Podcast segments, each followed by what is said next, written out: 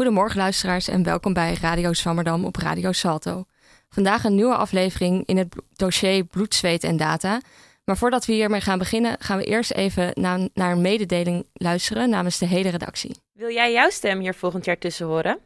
Goedemorgen. Goedemorgen. Ja, goedemorgen luisteraars. Goedemorgen. U luistert naar Radio Zwammerdam, het leukste wetenschapsprogramma van Amsterdam. Welkom bij een nieuwe uitzending van Radio Zwammerdam. Vandaag zit ik aan tafel met twee wetenschappers die de natuur en zelfs leven proberen na te bouwen. Vandaag hebben we een uitzending in het dossier onderwijs. In het dossier Denken met computers. We gaan het vandaag hebben over wetenschap in de sport. We hebben deze week een uitzending die geheel in het teken staat van donkere materie. We gaan het vandaag hebben over nationalisme. Lijkt het jou ook leuk om wetenschapsradio te maken als student of pas afgestudeerde? Solliciteer dan voor 15 april door een motivatiebrief en cv te sturen naar redactie.radioswammerdam.nl. Nou, ik zou zeggen meteen solliciteren natuurlijk. Maar hopelijk blijf je eerst nog even luisteren naar de uitzending van vandaag. Want zoals ik al zei, een nieuwe aflevering in het dossier Bloed, Zweet en Data, waarin het menselijk lichaam centraal staat. En bij ons lichaam hoort natuurlijk ook ons brein. En dat is precies waar we het vandaag over gaan hebben. Je zou misschien verwachten dat er dan uh, twee psychologen aan tafel zitten, maar niets is minder waar. Vandaag de gast zijn Casper Hesp. Hij doet onderzoek, uh, hij doet momenteel een PhD in Social Neuroscience aan de UvA. Welkom Casper. Dankjewel. En ook de gast Anne-Fleur van der Meer, uh, letterkundige. Momenteel werkzaam bij het Radboud Medisch Centrum en gepromoveerd aan de VU naar de representatie van depressie in autobiografische literatuur. Welkom Anne-Fleur. Dankjewel. En naast mijn gast is ook columnist Tessa aanwezig. Tessa, je eerste column las je ook bij mij voor in de uitzending. Ja. En uh, ik kan me herinneren dat je toen echt de lachers op je hand had. Uh, kan jou iets meer vertellen over uh, waar je column over gaat vandaag? Ja, nou, nu zijn de verwachtingen hoog gespannen ja. natuurlijk. Um, ja, ik zal er niet te veel over zeggen, maar het gaat over mijn gekte. Oké, okay. nee, valt wel mee hoor. Zeer benieuwd naar zo meteen. En uh, ook aanwezig mijn co-presentator Thomas. Thomas, jij bent muziekwetenschapper, of in ieder geval bijna muziekwetenschapper. Ja, ja. hopelijk. Uh, komt er uh, ook depressie voor in muziekstukken? Nou, er is wel heel veel treurig muziek geschreven, maar dat is natuurlijk niet per se depressief. Je hebt wel ook in de 19e eeuw heel veel muziekstukken die ingaan op ja, melancholie. Dat noemen ze dan zo. Dat woord depressie is nog niet zo heel populair. Uh, en het is ook denk ik iets anders. Het is meer een soort romantisering van treurig zijn en een soort weemoed. Maar je hebt denk ik wel uh, liedjes die in ieder geval ons eraan do doen denken. Ja, zeker. Dankjewel. Uh, daar gaan we het zo meteen over hebben. Maar we gaan eerst beginnen met Casper Hesp. Casper, um, yes. je doet onderzoek naar The Origin of Social Life. Een hele mooie titel, vond ik. je onderzoekt hoe mensen eigenlijk soort van op elkaar reageren en hoe we elkaar aanvoelen. Kan je kort iets meer vertellen over wat je precies onderzoekt? Ja, um, ja dus de oorsprong van uh, sociaal leven is eigenlijk iets wat ons allemaal wel uh, ja, raakt. We, we leven elke dag in sociale, onze sociale omgeving. We, we handelen ook op basis van ja, hoe andere mensen om ons heen uh, zich voelen en hoe wij onszelf, ja, onze eigen inschatting daarvan. En mijn onderzoek gaat eigenlijk over hoe wij als, ja, als, als dieren, als sociale dieren, um, elkaar zo kunnen inschatten en daar um, onze acties op kunnen baseren. En dan daardoor juist weer als groep kunnen, kunnen functioneren. Oké. Okay. Ja. En um, je wilt dat gaan onderzoeken door middel van simulaties op computer. Uh, daar ga ik je zo meteen alles over vragen. Hm. Maar uh, eerst wil ik eigenlijk weten wat, waarom je dit onderzoek wilt doen. Wat is het doel van dit onderzoek? Um, nou, fundamenteel gezien is eigenlijk mijn grootste interesse gewoon de, uh, het begrijpen van dingen, intrinsiek.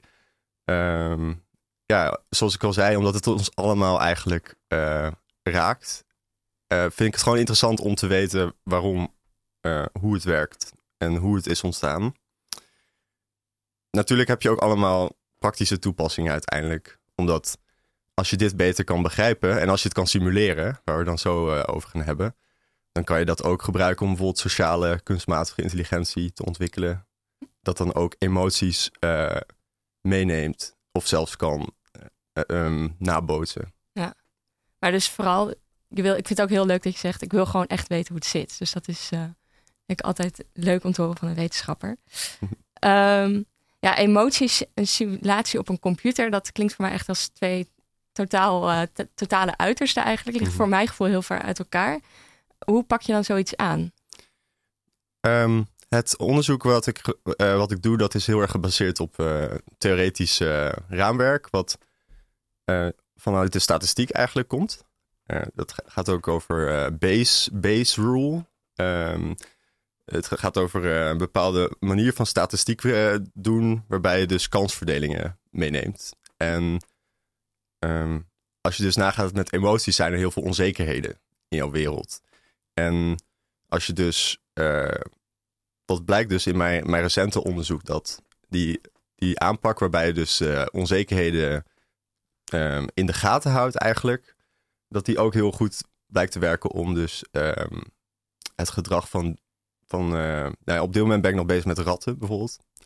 Ehm, om het gedrag van ratten in een omgeving waarbij ze dus beloning of een straf kunnen ervaren. Hoe ze daarbij die onzekerheden van hoe ze zich daarover gaan voelen. eh, hoe ze dus daar weer op gaan reageren. Hoe ze daar ook hun eigen inschattingen van hun eigen kunnen dan weer Hm. daarin meenemen. Dus op die manier, op al die verschillende niveaus, heb je dus eh, onzekerheden. En het, eigen, het idee is dat emoties eigenlijk belangrijk zijn om ons in die onzekerheden juist te laten functioneren, zeg maar. In die onzekere wereld waar we dan in leven. Ja, want Ja. ehm, klopt het dan dat de basis van zo'n simulatie is dus eigenlijk eh, heel simpel gezegd, als je als een dier of een organisme een bepaalde actie uitvoert, of Hm. dat dat dan als het positief vorm uitpakt, toch? Dan wil je dat vaker doen.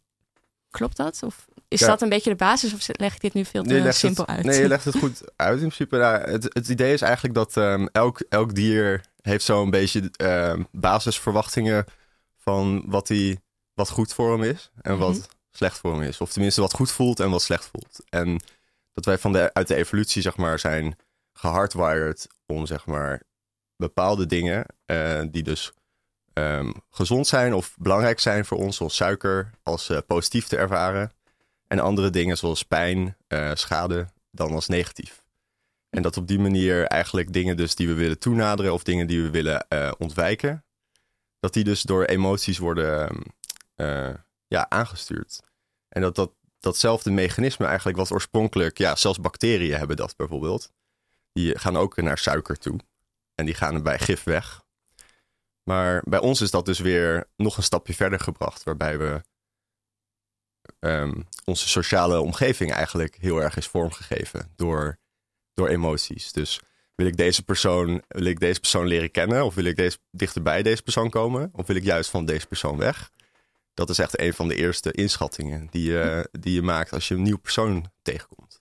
ja, maar het lijkt me dat bijvoorbeeld het zoeken van suiker, dat is best wel iets, eh, het lukt of het lukt niet. Maar emoties, dat is naar mijn idee veel complexer. Want je kan, een bepaalde emotie kan, het verschilt ook weer per persoon of dat goed voor iemand uitpakt of niet. Hoe kan je dat dan meenemen in zo'n simulatie? Nou, ehm, het idee is zeg maar dat de emoties niet zozeer de actie zelf representeren, Oké. zoals het zoeken naar suiker bijvoorbeeld, maar meer Mhm.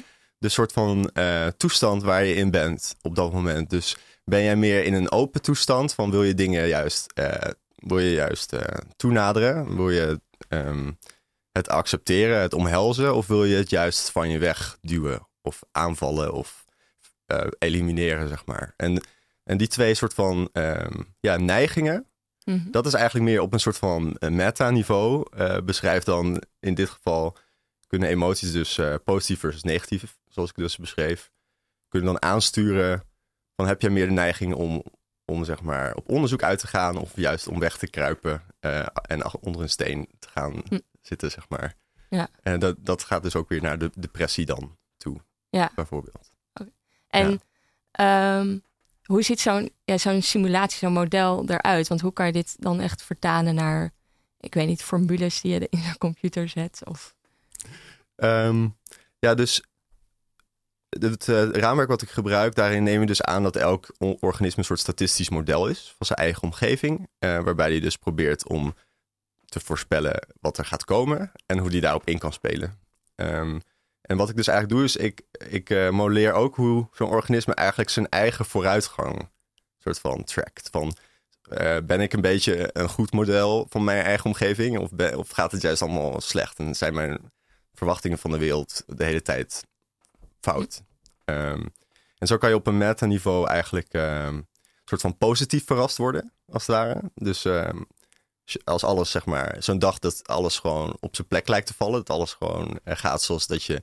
Dus eigenlijk dat het nog beter gaat dan verwacht. Of dat je, dat je verwachtingen nog, ehm, zeg maar, je, je voorkeuren worden nog beter beantwoord dan dat je verwacht op een Ja. normale basis. Of natuurlijk slechter. Dat kan beide kanten op. Maar dat soort dingen kan, kan je dus simuleren. Ehm, alleen uiteindelijk wil ik naar, naar groepen toe.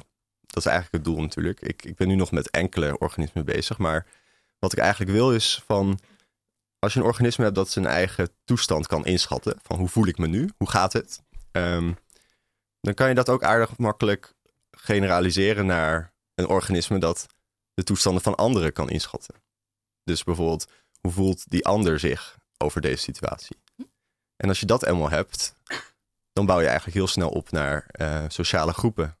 Bijvoorbeeld eh, kuddedieren die bijvoorbeeld altijd tracken van eh, of er als een van de kuddedieren nerveus is, dan, dan eh, verplaatst die nervositeit zich helemaal door de kudde totdat iedereen begint te rennen, zeg maar. En op die manier ehm, kan je zeg maar leren om die sociale informatie te gebruiken. Mensen zijn eigenlijk ook best wel kuddedieren op heel veel manieren. Ja. Ehm, en ja, dat is ook belangrijk voor ons functioneren. We gebruiken gewoon sociale informatie. En ehm, jij stelt zo'n model dus eigenlijk op om. ehm want mensen kunnen dit natuurlijk al vanuit zichzelf. Dus je probeert eigenlijk door middel van dat model, door te kijken wat je misschien aanpast. eh, zo wil je erachter komen van, oh, dus dit en dit gebruiken we eigenlijk. Klopt dat? Of? Dat klopt ongeveer. Ehm, het doel is inderdaad eigenlijk, zoals je zegt, wij kunnen dat nu. Maar mijn interesse is ook van hoe is het ontstaan? En hoe kan je met redelijk simpele aannames ehm, in een evolutionaire simulatie ook weer soortgelijke patronen vinden. Dus ehm, we weten dat sociale eh, interacties in meerdere lijnen van de evolutionaire stamboom zijn die ontwikkeld, zeg maar. Ehm, en het idee is van, ja, eh, hoe eh, natuurlijk in de zoogdieren of in de dieren in het algemeen is, is het heel sterk. En het idee is van ehm, welke cruciale stappen zijn er geweest om zeg maar, ertoe te leiden dat wij als mensen nu ehm, zo flexibel daarin geworden zijn. In het eh, ervaren van, eh, nou bijvoorbeeld, we vinden het allemaal leuk om met onze smartphone te spelen. Maar ja, die smartphone die hebben we pas net uitgevonden. Dus eh, die sociale informatie die, daar, die we daaruit halen, dat ervaren we dan als, als ehm, fijn. Hm. Maar dat is dus ook weer met onze soort van sociale. eh, je ver- verzamelt dan eigenlijk een soort van sociaal bewijs voor jezelf. Ja. Van je model. Als iemand een likeje geeft op jouw foto, dat is dus weer een soort van eh, sociale bevestiging van eh, jouw, jouw succes als, als organisme, zeg maar. Ja, ja. Ja. En ehm, want het is natuurlijk, bijvoorbeeld wat ik net al zei over die Mhm. emoties en simulatie, dat lijkt voor mensen heel erg uit elkaar te liggen. En komt volgens mij ook best wel dan voor jou heel veel psychologie of zo bij kijken. Want wanneer hè, pakt het goed voor iemand uit? En het klopt ook dat jij daar, jij bent, ja, ik zag jouw cv, ik vond het behoorlijk indrukwekkend. Want jij hebt dus, Hm. jij combineert al die gebieden. Hoe doe je dat? Vind je dat heel lastig om te doen? Of? Ehm, nou, daar moet ik, dat is natuurlijk handig om dan te vertellen wat dan de andere gebieden Ja, zijn ja. waarschijnlijk. Sorry. Ehm, dus mijn andere gebieden, ik heb, ik heb dus eigenlijk twee studies in parallel gedaan. Ehm, astro, astrofysica en neurowetenschap. Ehm, en ik was heel lang, zat ik een beetje in dubio van welke ga ik nou kiezen. Mhm. Ehm, uiteindelijk vond ik het hersenonderzoek toch net spannender op dit moment. We zijn eh, in de sterrenkunde en natuurkunde zijn we natuurlijk al, ja, hebben we de, de grote theorieën liggen er. En er zijn nog heel veel dingen uit te vogelen, natuurlijk. Maar ik vind het, het hersenonderzoek nu eh, juist meer in die opstartfase zitten. En dat maakt het juist zo spannend. En ehm, die theorie waar ik dan mee werk, bijvoorbeeld in de statistiek, die gebruikt heel veel technieken die ik ook gewoon heb geleerd qua wiskundige eh, achtergrond in mijn eh, natuurkunde en sterrenkunde studie. Ja. Ehm, want het is ja, diezelfde vergelijkingen, zeg maar, die je gebruikt om, om eh, jouw voorspellingen dus aan te passen aan, aan je data. Mhm. Eh, wat ik dus eh, beschrijf. Die gebruiken ze in de sterrenkunde ook om bepaalde, natuurkunde, ja, bepaalde sterrenkundige objecten te, te modelleren. Ja. Dus je, het is een heel soortgelijke ehm, manier van kijken. En natuurlijk het, ja, het analytische, het, de modelleerkant. Op die manier, het is eigenlijk meer een beetje op meta-niveau. Ja. Natuurlijk, ik heb ook, ja, de vakspecifieke dingen, die kan ik, ja, dat is dan meer voor mijn eigen interesse. Maar ja, dat doe ik sowieso eigenlijk alles voor mijn eigen interesse. Dus. Ja, de intrinsieke motivatie. Ja. Ja. ik vind het wel grappig. Dus eigenlijk zeg je een beetje van... we weten eigenlijk al veel meer over de ruimte... dus wat zo gigantisch groot is, het ons heelal... dan onze eigen hersenen. Dus daar op, op dit vlak, zeg maar. Ja, zeker. Ehm, nou, tenminste, laat ik zo zeggen. Ehm, we weten al veel meer over de ruimte dan dat we op deel, dan dat we zeg maar eh, ter beschikking heb, kunnen hebben. Eh, over onze hersenen bijvoorbeeld. Dat is, dat is dan veel dichterbij, maar daar weten we al eh, minder over dan over hoe bepaalde ehm, systemen met zwarte gaten erin werken, Ja. bijvoorbeeld. Ehm, en ik vind het dus ook een extra reden waarom ik dus de hersenen uiteindelijk interessanter vind, is ook gewoon omdat het op onszelf betrekking heeft. Dus Ja. je bent dan je eigen onderzoeksobject. Ja. En dat vind ik dan eigenlijk nog, nog leuker dan gewoon een onderzoeksobject Ja. te hebben, zeg maar.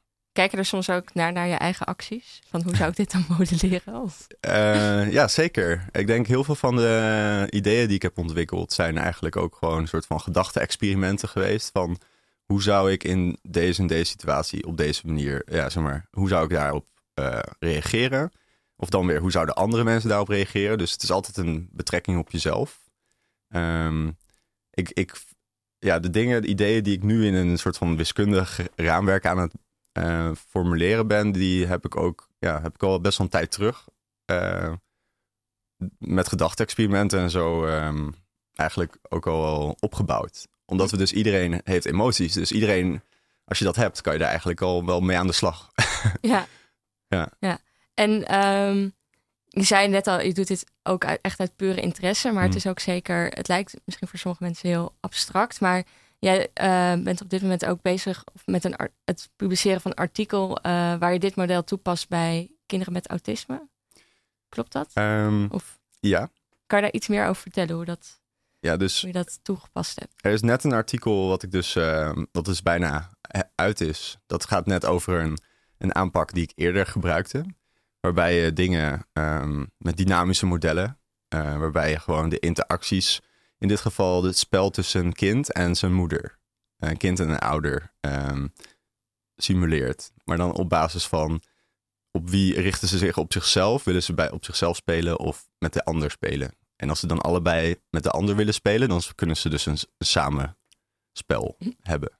En die, dat, dat, modelleer, ja, dat modelleer ik dan in real time. Dat is een dynamisch model. Hoe bedoel je dat in real-time ehm, modelleren? Nou, dus de keuzes die eruit komen, dat is dan op de tijdschaal van seconden. Eh, dus je hebt gewoon, ik simuleer dan een sessie bijvoorbeeld van 15 minuten. En dan heb ik ook data van 15 minuten. En dan kan ik dus, als ik genoeg sessies heb, kan ik dat dan vergelijken van, komt het, is het realistisch genoeg? Ja. Ehm, En wat voor data heb je dan van zo'n sessie? Wat... ja, dat is dus ook gewoon letterlijk videodata die je dan moet coderen. Oké. Qua gedrag spelen ze dan samen of probeert de ene iets te initiëren qua samenspel. En het idee daarvan is ook weer dat als je dus... ehm, ik heb dan verschillende soorten ouders gesimuleerd, zeg maar. Met verschillende soorten strategieën. En dan kijken van welke strategie helpt het kind om eh, te leren om spel te initiëren. Zo van, als je hem leert vissen, dan is het beter dan als je hem een vis geeft. Zeg maar. Het- voor het kind is het dus gezonder als hij zelf spel leert starten. Dan als je de hele tijd gaat triggeren om spel te Hm. samen te spelen. Ehm, en dat kan je de, ja, dat simuleerde ik dus. Alleen het plan is dus voor de toekomst om dat, dat raamwerk, ehm, wat ik, waar ik het eerder over had, dan weer te gebruiken om dit soort dingen te doen. Ehm, waarbij alles eigenlijk net wat fundamenteler eh, wordt beschreven. Je kan niet zomaar eventjes een interactie, eh, een, extra, een extra term in je vergelijkingen stoppen bij die statistische benadering. Gaat, want daar gaat het gewoon om, ehm, om kansverdelingen van eh, je input en je output. Je hebt daar eigenlijk, ja, hoe zeg je dat? Ehm, er zit wat minder speling in. Je kan niet ad hoc dingen erbij verzinnen, zoals dat bij die dynamische modellen wel een beetje gebeurt. Je wilt dingen erbij verzinnen zodat het bijvoorbeeld die data die je uit die videoanalyse hebt gehad, om dat beter te uh, fitten, of hoe noemen we dat? ja, Beter overeen te laten komen.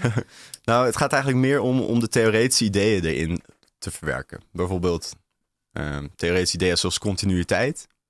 Het idee, als ik iets doe op een bepaald moment, dan is het de volgende eh, moment dat ik dat door blijf zetten. Die kans is dus wel wat groter Hm. dan als ik dat op dat moment niet aan het doen was. Ja. Eh, heel bazaal eigenlijk. Alleen als je dat in een dynamisch model doet, dan is het eigenlijk heel ad hoc. Want dan zeg je gewoon, eh, dan, dan vergroot je gewoon die kans, handmatig. Als je dat met een eh zo statistische aanpak doet, dan, dan laat je dus gewoon, dan heb je dus een organisme dat aanneemt dat het verleden soort van ehm, eh, voorspellende waarde heeft voor de toekomst. Voor je acties van de toekomst. En op die manier krijg je dan continuïteit soort van gratis. Ja, het, is, eh, ja.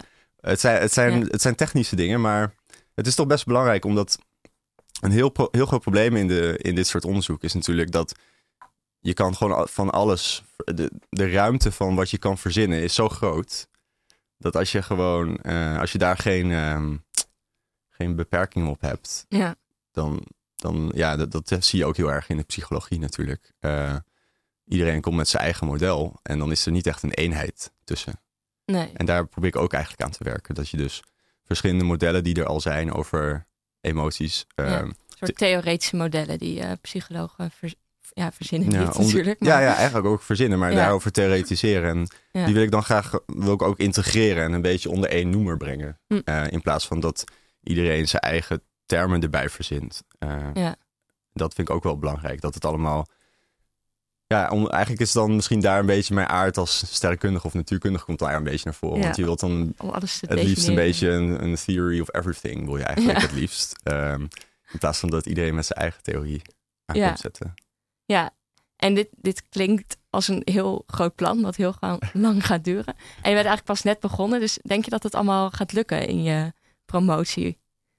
Dit allemaal. eh, Ik heb ook mijn masteronderzoek hierop gericht, op dit onderwerp. Eh, en ik heb dus eigenlijk al een paar artikelen in de, in de molen ja. voor de publicatie. eh, voor publicatie. Ook nou, bijvoorbeeld dat van ja, kinderspel. Maar ook ehm, een artikel wat ik al heb over hoe positief versus negatieve emoties ontstaan. Ehm, wat er eigenlijk ook al zo goed als klaar is. Hoe ook, ik ga ook nog verder op hoe bijvoorbeeld ehm, opwinding, arousal, zeg maar. eh, hoe dat dan eh, op deze manier gemodelleerd kan worden. Dus op zich, ik heb het gedeelte over de, eh, het individu heb ik op zich Mhm. al. En dan, nou ja, met dat andere verhaal heb ik dus het tweetal. Hè? Dus de interactie tussen twee heb ik ook Ja. al een beetje in kaart gebracht. Dus op zich zie ik het wel, zie ik het wel zitten. Ja, het gaat wel redelijk snel eigenlijk. Ja. Ehm, natuurlijk is het eh, niet zo dat ik dit helemaal in vier jaar kan doen allemaal. Eh, want het is natuurlijk een heel groot onderwerp. Ja. Alleen het- is, het idee is wel dat ik aan het eind zeg maar een soort van sociale kunstmatige intelligentie heb. Omdat eh, dat is eigenlijk gewoon het onderwerp van het onderzoek. ja, Als je dat kan simuleren, dan heb je ook dus als resultaat die ehm, sociale ja, robots, ja, zou je het kunnen noemen. Ja. Die dan ook ja, in ieder geval een emotionele toestand eh, ervaren. Maar eh, dat zal niet Hm. zo zijn als bij ons. Maar eh, het idee is om het wel de structuur ervan, of hoe het werkt, zeg maar, op een soortgelijke manier op te bouwen. Nou, het klinkt allemaal echt heel erg interessant. En ik denk dat we je ook zeker gaan volgen bij Radio Zomerdam. Ik wil je in ieder geval heel erg bedanken voor nu. Ehm, Tessa, dan mag jij, wil je column nog inleiden? Of... Eh, nee, ik denk niet dat het veel nodig heeft. Ik sluit hier angstvallig goed op aan, vrees ik. nou, we zullen zien. Een half jaar geleden raadde een vriendin mij uit het niets aan om eens een psycholoog op te zoeken. Uiteraard schrok ik. Had ik soms mijn lithium laten slingeren? Toen ik deze aanbeveling steeds vaker kreeg, bleek er gelukkig iets anders aan de hand te zijn. Vroeger werd je een film getipt of een boek als je vrienden iets langer van je af wilden zijn. Tegenwoordig is men erachter dat het veel leuker is om op je eigen plot te reflecteren. Overal lees en hoor je dat een graaftocht in de ziel zin heeft, ook als er geen directe noodzaak is. Zelf heb ik de canapé tot op de dag van vandaag vermeden. Bang te worden weggestuurd met burn-out als diagnose, terwijl ik in werkelijkheid last zou hebben van blackout. Waar zou ik moeten beginnen? Mijn angstbeeld is voor een deel gestoeld op scènes uit de serie Mad Men, waarin de diep ongelukkige huisvrouw Betty Draper een psycholoog bezoekt. In losse flarden die worden voorafgegaan en gevolgd door lange stiltes, schetst de leegte van haar bestaan. Dat wordt ingevuld door de zorg van haar kinderen en het afwimpelen van deur-aan-deur verkopers. De psycholoog kijkt verveeld en krast af en toe wat in zijn notitieblok. Hij praat nooit tijdens hun sessies. Dat doet hij pas als hij daarna aan de telefoon hangt met Betty's man Don Draper, om hem in te lichten over alles wat zijn vrouw op de bank te melden had. Wat mij behalve deze associatie tegenhoudt, is dat ik het niet zie zitten om geld neer te tellen voor een luisterend oor. Dan blijf ik liever schrijven voor Propria Cures, waar mensen gewoon moeten betalen voor mijn monologen. Met deze wachtlijsten ben ik ervan overtuigd dat de branche het ook zonder mij wel zal redden. Ik was dan ook verbaasd toen Trouw in februari berichtte dat het crisis is in de psychologie en dat er, uh, dat er nu hard gewerkt moet worden aan een oplossing. Alsof psychologen tegenwoordig niet genoeg hebben aan de problemen van anderen. Wat bleek? Diverse pronkjuwelen uit het vak konden bij het grof vuil worden gezet, omdat de experimenten bij herhaling andere resultaten opleverden. Het idee dat kinderen die direct een aangeboden lolly in hun mond proppen later minder succesvol worden dan kinderen met zelfbeheersing? Onzin. Kijk maar naar Erika Terpstra. Het onderzoek dat wilskracht omschreef als een spier die uitgeput kan raken, compleet van tafel geveegd sinds Halbe Zijlstra gewoonweg weigerde uit eigen beweging op te rotten. Hoewel de bezoekersaantallen er in de praktijk duidelijk nog niet onder lijden, schijnt de zogeheten replicatiecrisis grote vragen over de toekomst op te roepen. De psychologie mag nu eerst haar eigen identiteitsstoornis uitpluizen, voor ze weer uitspraken over andermans complicaties doet.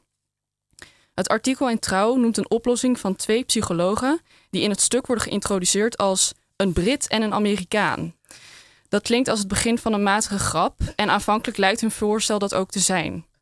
Waar het volgens hen echt aan ontbreekt in de psychologie is een alomvattende theorie voor menselijk gedrag. Een fundament zoals alle natuurwetenschappen hebben en dat garant staat voor een superioriteitslabel. De Brit of de Amerikaan, dat weten we niet, ligt toe. Als we zonder theorie blijven werken, komen we niet verder dan het voorspellen van de toekomst op basis van resultaten in het verleden. Dat is hetzelfde als de positie van een planeet voorspellen op basis van zijn positie bij de vorige rondgang. Wat je nodig hebt, is een mechanica van hemellichamen waarmee je toekomstige planeetposities precies kunt uitrekenen. Een leek zou misschien denken dat psychologie gaat over de meest persoonlijke zielenroerselen. Maar ondertussen wil de wetenschapper in eerste plaats achter zien te komen door welk universeel computerprogramma wij allemaal worden aangestuurd. Moesten we een diagnose stellen, dan kunnen we gerust zeggen dat de psychologie leidt aan meervoudige persoonlijkheidsstoornis. Jammer genoeg bestaat er wat betreft deze aandoening geen consensus over de juiste behandeling en moet er per individu worden vastgesteld wat de juiste aanpak is. Gelukkig hoort psychotherapie in ieder geval in het basispakket. Fase 1 zal in het teken staan van stabilisatie en symptoomreductie, opdat de patiënt weer enigszins kan functioneren. Dat betekent opname en inbeslagneming van het idee dat alleen kwantitatief onderzoek iets waard is. Fase 2 draait om trauma's die direct of indirect tot de crisis hebben geleid. In dit geval het gedachtegoed van Karl Popper en zorgverzekeraars die eisen dat alles maar in meetbare grootheden moet worden omgezet. In fase 3 ontwikkelen we een levensstijl die wel perspectief biedt. We zullen de patiënt uit het lab slepen en in contact brengen met andere en dus ook niet exacte disciplines, om zo ook het contact met de werkelijkheid te herstellen. Als ik toch nog eens een afspraak met een psycholoog maak, zal ik maar beginnen met waar het volgens mij misgaat in zijn vak. Om los te komen startte Betty Draper haar sessies altijd met een borrel. Ik met dit behandelplan. Terwijl ik op de bank schuimbekkend mijn betoog afsteek, zal mijn behandelaar paranoia constateren. En in mijn ooghoek zal ik hem naar de telefoon zien grijpen. Ik heb nu al zo'n vermoeden dat hij niet mijn geliefde, maar het mentrum zal bellen. Wauw, dankjewel. Toch ook weer een hoop humor in deze column. Dus verwachtingen zeker waargemaakt. Fijn.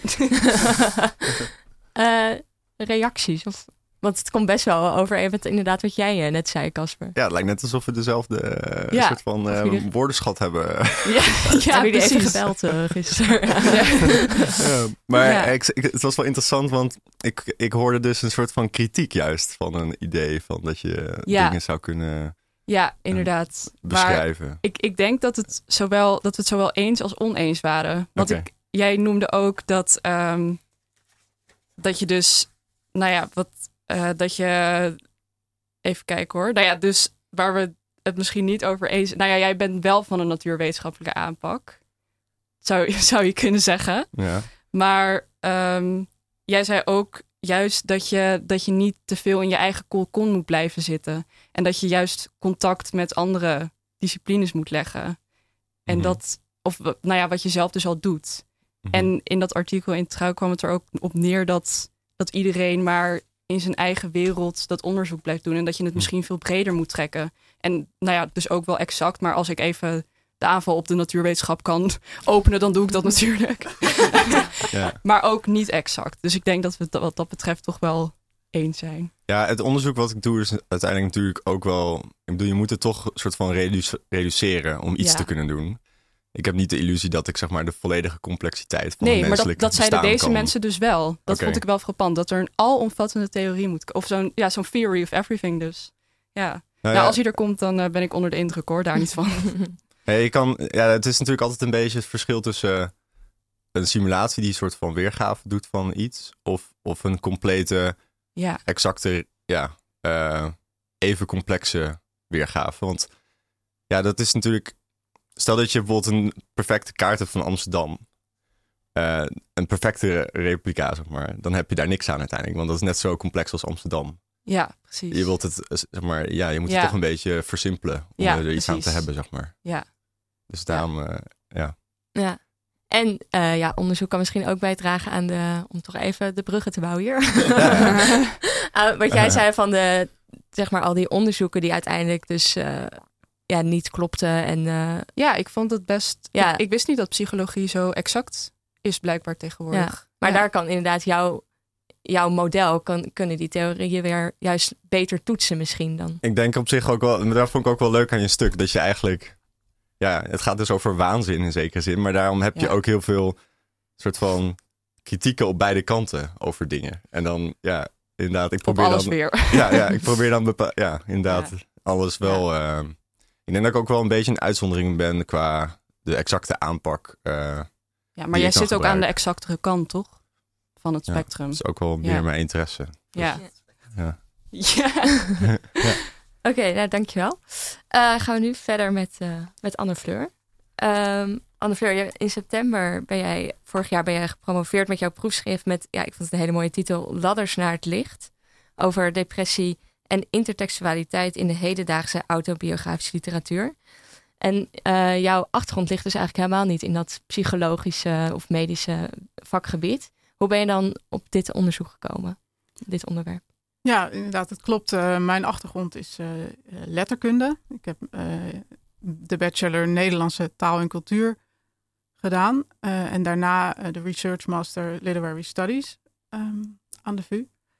En ik was ehm, tijdens mijn studies, allebei mijn studies, eigenlijk altijd heel erg geïnteresseerd in ehm, literatuur. ehm, en dan vooral de relaties die literatuur, eh, literaire teksten, romans, eh, gedichten autobiografieën, eh, de relaties die deze teksten aangaan met de wereld om hun heen eigenlijk. Dus om dat concreter te maken, dus de, de manier waarop autobiografieën of romans zich bemoeien met de lopende discussies in de samenleving, politieke discussies, eh, wetenschappelijke debatten.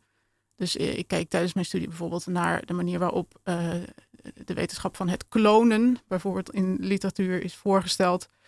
Eh, en de manier waarop romans dan commentaar leveren, bijvoorbeeld op eh, allerlei mogelijke ethische dilemma's die spelen rond klonen. Ehm, en eh, dus dat is eigenlijk de, de link, dus de, de, de interesse die ik heb voor relaties tussen literatuur ehm, en de wereld eh, om die teksten heen. En toen verscheen in eh, 2010, toen ik bezig, was aan mijn onderzoeksmaster, eh, verscheen de autobiografie eh, Pil van Michael Day. eh, waarin eh, Michael Day schrijft over zijn eigen ervaringen met depressie. Ehm, dat, die tekst kreeg heel veel aandacht in de samenleving, werd heel veel verkocht.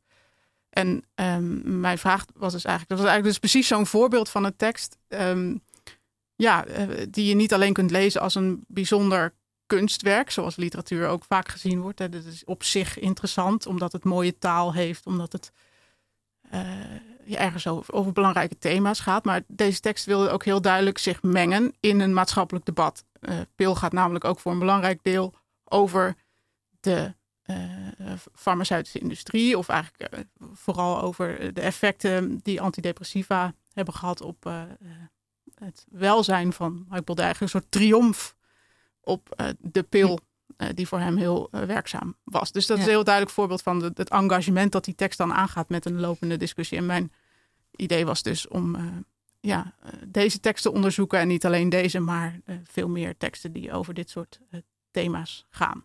Ja, en je hebt, nou, je hebt een aantal werken uitgezocht eigenlijk, geselecteerd. En um, kan je uitleggen wat je dan in die werken precies ging onderzoeken? Waar je ja. naar hebt gekeken. Ja, dus ik heb inderdaad uh, een paar Nederlandse teksten onderzocht. Uh, ook Duitsstalige, Engelstalige teksten. Dus uit Groot-Brittannië en Verenigde Staten. die allemaal gaan over ervaringen van depressie. Dus mensen vertellen over hun eigen ervaringen. En um, deze teksten hebben allemaal aandacht gehad in de, in de samenleving. Werden bijvoorbeeld heel erg uh, aangeraden door gezondheidsorganisaties. Dus ik kon van die teksten zo'n beetje wel vaststellen dat ze niet uh, ja, aan de marge van de samenleving waren gebleven, maar ook daadwerkelijk in ieder geval verondersteld werden daar een rol te spelen, een, een belangrijke plaats te hebben. Dus dat vond ik interessant om, om te kijken van wat, hoe zitten die teksten dan in elkaar? Want dat was je vraag van wat heb, wat heb ik dan specifiek onderzocht? Ja. Um, en dat was eigenlijk de vraag op welke manier uh, is deze depressie in taal gevat? Dus um, er is wel veel eerder onderzoek gedaan naar uh, autobiografieën of patiëntenverhalen, zoals ze ook wel eens worden genoemd, uh, over ziekte. en dan werd vaak heel erg gekeken naar de medische inhoud ervan. Dus wat kunnen we nou als we Pil van Michael Day lezen, leren over depressie als medisch probleem? daar werd eigenlijk een beetje gedacht van alsof deze teksten een soort spiegel tot de ziel zijn. En dat hele, dat hele, terwijl het nou juist het deel het idee is van zo'n boek, um, dat het een verhaalvorm heeft. Dus Michael Day heeft het uh, over zijn depressie willen vertellen in een boekvorm, in een verhaalvorm. Dus eh, ja, was ik heel nieuwsgierig van hoe zit dat verhaal dan in elkaar. Dus ik ben gaan letten op de taal, op de verhaalstructuren. Um, en heb ik daarna willen nadenken over de vraag van wat kunnen we nou op basis van zo'n analyse van de taal, van de verhaalstructuren zeggen over de functies van deze teksten uh, in de samenleving.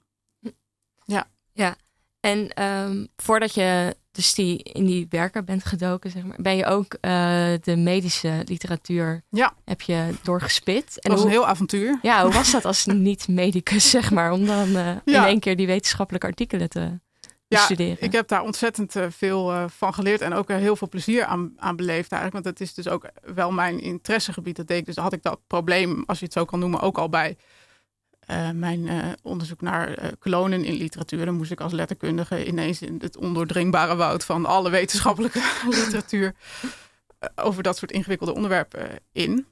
en dat had ik nu dus ook, want ik wilde graag weten, um, juist omdat ik geïnteresseerd ben in de relaties tussen deze teksten en, en de, de wereld daaromheen, um, had ik ook zoiets. Ik moet ook die wereld daaromheen leren kennen. Dus ik moet die, ja, die, die literatuur in. Um, helemaal omdat in deze teksten ook heel veel verwezen wordt naar die medische literatuur. dus Michael Day, bijvoorbeeld, om daar nog maar eens bij te blijven, die verwijst naar allerlei zelfhulpliteratuur. Ook naar uh, over depressie bijvoorbeeld. Dus uh, om die teksten te kunnen begrijpen, om deze autobiografie van Michael Day te kunnen analyseren en die relaties goed in kaart te brengen, moest ik dat ook gaan doen. Dus dat, ik vond dat eigenlijk heel, ja, een heel avontuur. Ik heb dus moesten mensen ook wel eens om lachen als ze mij dan zagen zitten als letterkundige, waar dan toch een beetje het beeld van is van nou, die zit tussen de gedichten of van, nou, het is natuurlijk, het klopt helemaal niet dat beeld, maar goed, dat is er af en toe nog. Um, en ik zat tussen uh, de handboeken depressie en de, de DSM, allerlei neurobiologische artikelen. dus voor mij was dat, en wat wel hielp, was dat ik niet dat ik vooral heb gekeken, ook vanuit mijn eigen expertise, van hoe wordt er nou eigenlijk over depressie geschreven in dit soort teksten. Dus ik ben eigenlijk ook een tekstanalyse gaan maken um, van deze wetenschappelijke artikelen. Dus een van mijn hoofdstukken in mijn proefschrift gaat dus over de wetenschappelijke debatten over depressie. En dan kijk ik van hoe wordt er nou eigenlijk over depressie verteld in deze teksten. Dus welke woorden worden er in deze artikelen uh, gebruikt. En uh, daar kwam ik ook eigenlijk een heel verrassend resultaat uh, tegen. Want ik dacht van, ik moet, wat ik net zei, ik moet die discussies in kaart brengen om er zelf grip op te krijgen. En toen ontdekte ik eigenlijk ook, eigenlijk ook wat net in de column een beetje werd gezegd, van hoeveel raadsels er eigenlijk zijn over depressie. En dat was eigenlijk voor mij een heel belangrijk, belangrijke stap in mijn onderzoek.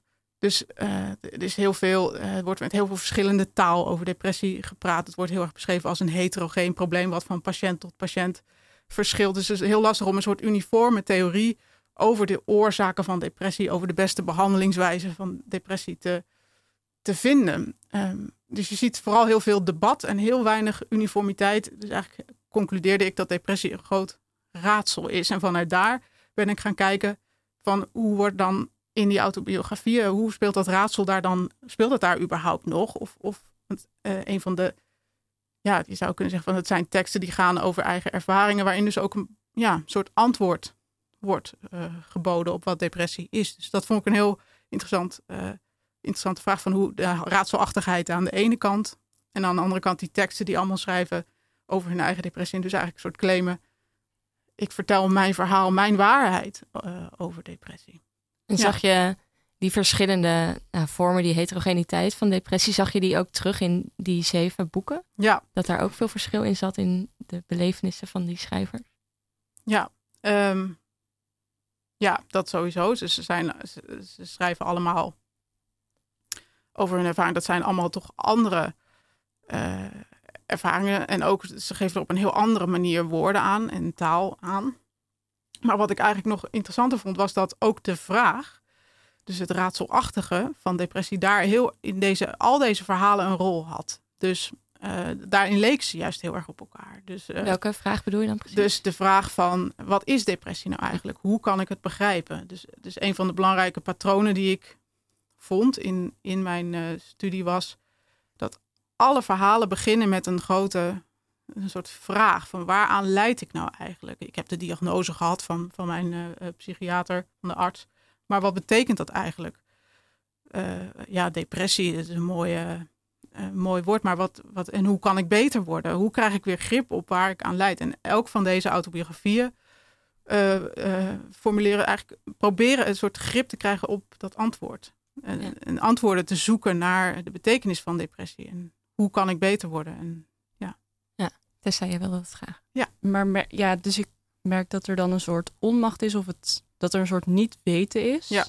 En hoe wordt dat dan in zo'n tekst gevangen? Ja, ik moet dan zelf denken aan die metaforen als een gevecht. Mm -hmm. Dat je dan kunt winnen of verliezen. Dat, het, dat er op die manier nog grip, uh, dat ze op die manier grip proberen te krijgen op zoiets. Ja.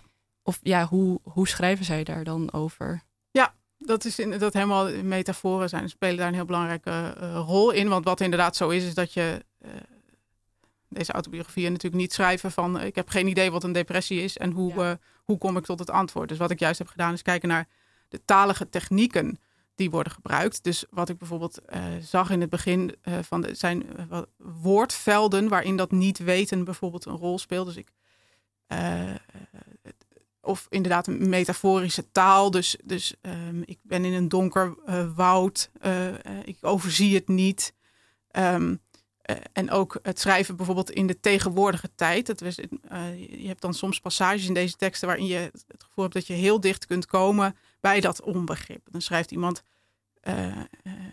herhaalt bijvoorbeeld heel vaak: Ik weet het niet, ik weet het niet, ik weet niet. Of heel veel vragen of heel veel uh, van dat soort uh, het niet kunnen overzien. Dat zie je dan ook in de, in de taal uitgedrukt. Haperende zinnen. Uh, ja, dat soort voorbeelden. Ja. Is het eigenlijk, sorry, ik vraag ook even wat. is het eigenlijk, in hoeverre is het van belang dat, dat iemand die aan depressie lijdt, dat daar ook echt grip op krijgt? Valt het te begrijpen voor de patiënt zelf? En zodra de patiënt er op de een of andere manier grip op krijgt, wordt het dan beter? Of, of is het eigenlijk een vraag die inbegrepen is in depressie? Dat je het eigenlijk al niet begrijpt wat er met je mis is. Zeg maar. Ja. Nou, ik heb natuurlijk vooral gekeken naar hoe daarover in de autobiografieën wordt verteld. En um, daar zie je dus dat onbegrip heel sterk. Maar wat er ook gebeurt in al deze verhalen is dat er antwoorden gevonden worden. Uh, dus uh, gedurende het verhaal krijgt de ik, uh, de ik-verteller in deze teksten grip wel op waaraan hij leidt. Dus dat is eigenlijk heel opvallend. Um, hij vindt bijvoorbeeld allerlei antwoorden bij die wetenschappelijke literatuur waar ik het net over had. Dus Mark Baudet komt erachter van misschien heeft het iets te maken met mijn, mijn brein of allerlei neurobiologische processen. En andere uh, schrijvers vinden hun antwoorden uh, weer veel meer bij de, bij de psychologie of bij Freud. En dan vertellen ze juist heel erg als uh, expert over hun aandoening. Dus je ziet eigenlijk een heel mooie ontwikkeling in die teksten, waarbij er dus een sprake, een sprake is van een ik die in het moment zelf geen idee heeft, maar in het vertellen erover eigenlijk aan anderen uitlegt hoe je depressie moet begrijpen. Dus je ziet heel mooi dat proces in die teksten uit, uitgedrukt. De hele, het is ook mooi dat je in deze autobiografie hele indexen vindt met alle verwijzingen naar wetenschappelijke terminologie. Um, dus uh, ja, dus ze vinden hun antwoord wel. En dan met behulp van de medische literatuur of zelfhulpliteratuur. Ja. Ja, dus het, is, het, het helpt in ieder geval bij een soort van rust vinden of, of vrede ermee vinden. En op die manier misschien er minder, ja, in ieder geval meer grip op krijgen en meer, meer controle of zo. Ja, dat is wel hoe ze erover eh, praten. Dus, en dat vond ik eigenlijk al op zich een interessante uh, conclusie. Dat, ze, dat, dat depressie dus als een kennisprobleem wordt voorgesteld. Dus niet alleen iets waar je heel, heel veel last van hebt in je, in je gevoel en in je. Maar ook als een, probleem dat te maken heeft met het niet hebben van antwoorden op hele belangrijke vragen. En, en de taal in deze autobiografie zorgt er eigenlijk voor. Uh, dat, dat ze die antwoorden weer vinden. En niet trouwens niet alleen op kennis vragen, maar ook op vragen naar uh, bij wie hoor ik nu eigenlijk. Dat is een ander hoofdstuk uit mijn boek. Dus, dan vinden ze, vinden ze, zijn ze bijvoorbeeld in het begin heel erg alleen en eenzaam, voelen zich heel erg uh, anders dan anderen. En ook weer in hun gaan ze ook weer op zoek naar op wie lijk ik nu, met wie voel ik me nog verwant. En dan komen ze bijvoorbeeld uit bij de, de grote namen uit de literatuurgeschiedenis. Eh, Dante, Sartre. En dan zeggen ze: hé, eh, hey, ik, ik heb een lotgenoot gevonden. Dus je ziet eigenlijk nog een belangrijke ontwikkeling in deze teksten van niet weten, uh, wat jij net zei, naar weten, een soort expertise, en van alleen naar samen verwantschap hebben gevonden. Ja. En um, want je hebt, dus zoals ik al eerder zei, zeven boeken. En hoe pak je zo'n analyse nou systematisch aan? Want ben je dan in al die boeken aan het bladeren? Of hoe, hoe ziet dat, zo er, begint het wel. Hoe ziet dat eruit? zo ja, ik heb flink gebladerd. Het ziet er ook niet meer uit uh, allemaal. ja, dus ja, hoe doe je dat inderdaad? Dus ik heb, um, nou, um, dat is natuurlijk een heel uh, organisch uh, gebeuren. Dus ik, ik begin dan met lezen. Dus gewoon op inhoud. Dus wat, waar gaat deze tekst nou eigenlijk over? Welke thema's spelen er een rol? En je moet zo'n boek dan wel, wel drie keer lezen voor je daar een beetje grip op krijgt. En dan vervolgens ben ik gaan kijken, daar had ik het dan ook altijd over met mijn uh, promotor, die dan tegen mij zei van hoe krijg je nou grip op die teksten? Dat is ook kijken van wat is er nou eigenlijk gek aan wat, wat er in deze teksten gebeurt. Dus je moet een soort openheid bij jezelf vinden om uh, te gaan zien wat er bijzonder is aan de taal. Dus dat ben ik dan gaan kijken van hey, wat gebeurt hier nou eigenlijk? Toen vond ik bijvoorbeeld dat er ontzettend veel zinnen met ik beginnen. Dus dan, dan ben ik inderdaad met al die boeken uh, in de weer met een, met een potlood en een, om die, al die woorden ik. Dus dan vind je woordvelden. En zo kom je dan ook op die, dat niet weten. En op al die metaforen die eigenlijk ongeveer hetzelfde uitdrukken. Um, en vervolgens ga ik dan natuurlijk, als ik een beetje grip heb, ga ik veel systematischer kijken met behulp bijvoorbeeld van de narratologie. Zoals dat binnen de letterkunde heet. De analyse van verteltechnieken. Op een hele systematische manier die teksten analyseren. Dus hoe vertelt de ik over zijn eigen ervaringen? Met welke talige mechanismen doet hij dat? En dan of zij. Dus dat is. het wordt steeds systematischer naarmate je ja. aan de gang bent. En ik ben ook, wat dan heet, bezig geweest met een intertextuele analyse. Dus aan de ene kant de narratologie en aan de andere kant uh, intertextualiteit, waarin het gaat, van, uh, gaat over de vraag welke verbanden zijn er nou tussen die autobiografieën en de omringende cultuur. Hm. Uh, en dan is het ook vaak een kwestie van vergelijken. Dus als Michael Day bijvoorbeeld verwijst naar een uh, zelfhulpboek, daar citeert hij dan ook uitvoerig uit. En dan ga, leg ik dat naast elkaar. Uh, en zo doe ik dat dan met heel veel teksten. En dan kijk ik wat, wat, wat gebeurt er nou. En dan zie je vaak hele opvallende verschuivingen optreden. Hm. Allerlei verbasteringen, toevoegingen, waarin hij het zichzelf dus eigenlijk toe-eigent, die tekst. Hm. En ja. waarom vind je die intertextualiteit, want het komt ook voor in je titel ja. van je proefschrift, waarom is dat nou zo belangrijk in dit onderzoek? Ja, ik denk in de eerste plaats uh, is het belangrijk om ja, dat juist die intertextualiteit, hè, dus die relaties tussen teksten en andere teksten, dat is eigenlijk wat intertextualiteit uh, is, dat die juist laten zien hoe de tekst in verbinding staat met die omringende cultuur die ik zo interessant vind. En wat ik dan, waarom ik dat in het geval van autobiografieën uh, leuk vind, is dat je eigenlijk, dat was eigenlijk mijn verwachting ook toen ik begon met lezen, dat het gaat over een heel dat uh, over een hele particuliere eigen ziektegeschiedenis. Dat die wordt beschreven. Het is een autobiografie, dus een tekst waarin iemand over zijn eigen ervaringen schrijft. En ik constateerde eigenlijk van toen ik dus aan het kijken was van wat is hier nou bijzonder aan, van hé, hey, het gaat helemaal niet alleen maar over de eigen individuele ervaringen. Er wordt ook heel erg teruggegrepen op allerlei omringende teksten in de cultuur, uh, die die blijkbaar nodig heeft om die ervaringen betekenis te geven. Um, en dat is die intertextualiteit. En die is denk ik voor mij heel belangrijk geweest. Daarom is die ook uiteindelijk terechtgekomen in de titel van mijn boek. Om de, de functie van deze autobiografieën te kunnen benoemen. Juist omdat ze zo intertextueel zijn. Juist omdat ze verwijzen naar al die omringende bronnen, daar commentaar op leveren, dat in zichzelf verwerken, dragen ze bij aan de manier waarop kennis in de samenleving terechtkomt. Ze zijn een soort uh, ze populariseren wetenschappelijke kennis. Ze verspreiden um, ideeën over uh, wat kan ik nou doen als ik depressief ben. ben. Um, dan kun je bijvoorbeeld terecht bij Dante of bij Sartre. Um, dus het zijn eigenlijk ook een soort, zo noem ik dat dan, uh, interpretatievoorstellen die, die deze autobiografie of deze auteurs van deze teksten doen. Dus ik ben depressief, ik heb geen idee wat het is, ik ben helemaal in de war.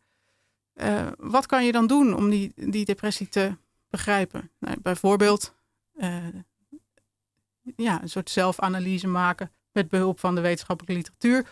Of de grote stapel belangrijke literaire grote werken uit de cultuurgeschiedenis. Ja. ja. En om dat misschien ook toegankelijk te maken voor meerdere mensen.